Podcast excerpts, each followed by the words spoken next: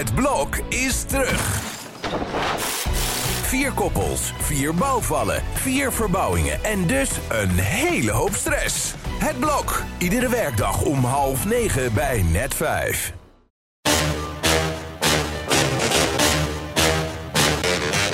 Dit is Strik Privé. De dagelijkse showbiz-update met Evert Zandgoeds en Jordi Versteegde. Ja, je moet wel opletten tegenwoordig in een studio. Altijd opletten. Wat dan? Ja, Nou ja, dat de lampen hier niet naar beneden vallen. Want Nou, dat is bij de Maas Singer gebeurd. Nou. Tijdens de opname is een mevrouw uit het publiek getroffen door een lamp. De opname moest uiteraard worden stilgelegd. Maar het doet natuurlijk heel erg denken aan die serie van Linda de Mol... waar eh, een, een tv, niet nader te identificeren... tv-recensent uit, uit Rotterdam eh, door een lamp getroffen werd. Maar daar is het dus waar gebeurd. RTL probeert het een beetje onder de tafel te schoffelen, geloof ik. Die doen alsof het een peertje was. Maar mensen in het publiek zeggen, nou, het was heus nog wel erg. Het is wel goed afgelopen. De mevrouw die het betrof, letterlijk. Die is, eh, heeft de uitzending wel, eh, het programma verder wel kunnen afzien met een grote pleister op het hoofd. Maar eh, vooral Gerard Joling was erg geschrokken. En, Oh. oh, wat gebeurt er? Niet om te gieren hoor. Nee, dus eh, het is, eh, ja, nou, eh, incident. Bloedserieus. Nou, er is ook wel eens brand geweest bij de Maas Singer. Dus Oh. ja, ze, ze maken wat mee daar. Hè? Inderdaad. Nou ja, en dat is niet de enige voorstelling die stilgelegd is. Ook Les Miserables. Ja, in, in, in Londen, dat een nieuwe actie van, van de milieuactivisten die zich normaal vastlijmen op een kruispunt. Maar nu dachten van laten we eens naar het, eh, het theater gaan, in, het Sondheim Theater in Londen gaan, waar eh Le Miserable al eh, 80 jaar wordt opgevoerd. En die hebben zich gewoon op het, tijdens de voorstelling aan het toneel vastgeplakt. Nou, eh, laaiende reacties uit, eh, uit, uit, uit de zaal, kan ik me voorstellen, als je 130, 140 euro eh, pond betaalt voor een kaartje en je voorstelling wordt versteerd op die manier.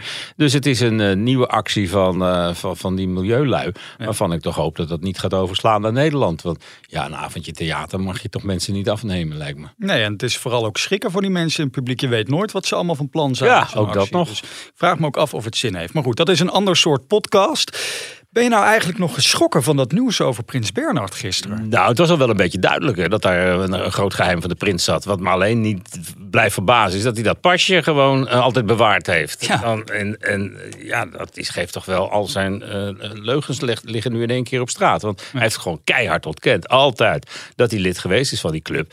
Dan denk ik van ja, flikker dat pasje dan in de open haard of zo. Maar dat heeft hij nooit gedaan. Misschien keek hij er af en toe nog eventjes naar of zo. Want ja, eh, het is toch wel heel wonderlijk dat het gezicht van het Nederlands verzet eerst aan de totaal andere kant stond. Ja. Weliswaar nog voor de kristalnacht en voordat het helemaal uit de hand liep. Maar de duistere bedoelingen van Hitler, die, die waren ook toen al wel duidelijk. En ook toen vluchtten er al mensen uit Duitsland die dachten dit gaat helemaal mis. En Bernard had er zich daar toch bij aangesloten, opportunist dat hij was. Maar dat staat nu maar eens als een paal boven water.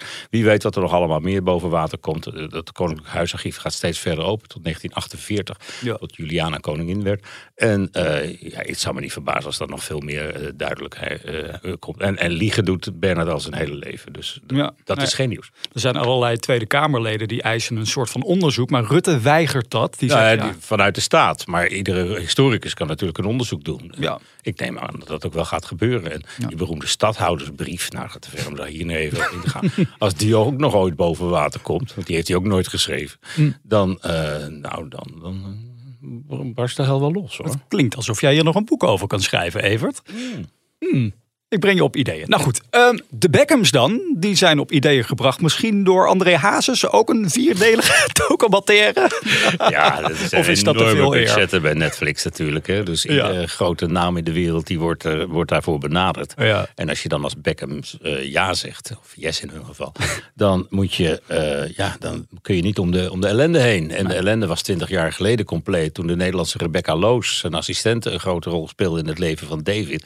En daar ook eens gewoon over uit de school ging klappen. Dan heeft ze nog een tijdje shownieuws gepresenteerd bij ons. Met jou? Nee, voor mijn tijd. Oh. En toen heeft ze eh, ja, toch wel eh, wel van alles verteld over de relatie die ze had met, met Beckham. Tot groot ongenoegen van Victoria. Uiteraard. En eindelijk, na twintig jaar, geven zij nu een inkijkje in hoe het er toen aan toe ging in huizen Beckham. Nou, dat was geen feest. En dan hoop je dat Rebecca natuurlijk zelf ook nog gaat reageren. Maar die heeft vanochtend ook aan de Telegraaf laten weten dat ze dit echt een gepasseerd hoofdstuk vindt Ja. en het echt wil laten gaan. Zij leeft met haar arts nu ergens in Scandinavië onopvallend en wil het graag zo houden. Maar ja, Ja. Ook, ze heeft zelf die steen in de vijver gegooid. Dus daar moet je niet op kijken dat dat af en toe nog een paar rimpels eh, veroorzaakt. Ik ga zeker kijken naar deze docu. Ik hoor echt positieve reacties eh, daarover.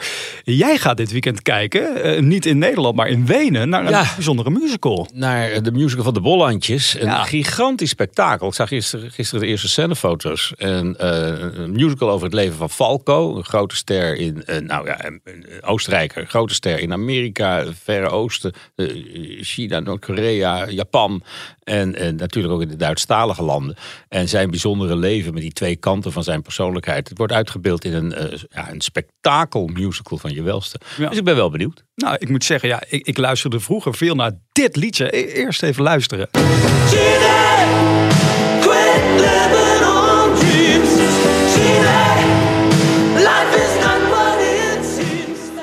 Ja, En dan zeggen de mensen, ja, voor jouw tijd. Maar ik vind het wel mooi. Maar ik wist niet dat daar zo'n groot verhaal achter zit. Ja, het is Ja. een boycott op sommige zenders. Het gaat over seksueel misbruik. En die vrouw die wordt tegen de zin eh, vast, vastgehouden. En eh, dat is toch wel een thema wat eh, nu actueel is. Maar wat toen een enorme schok was. En wel een grote hit geweest. Want juist omdat eh, het niet op de radio te horen was...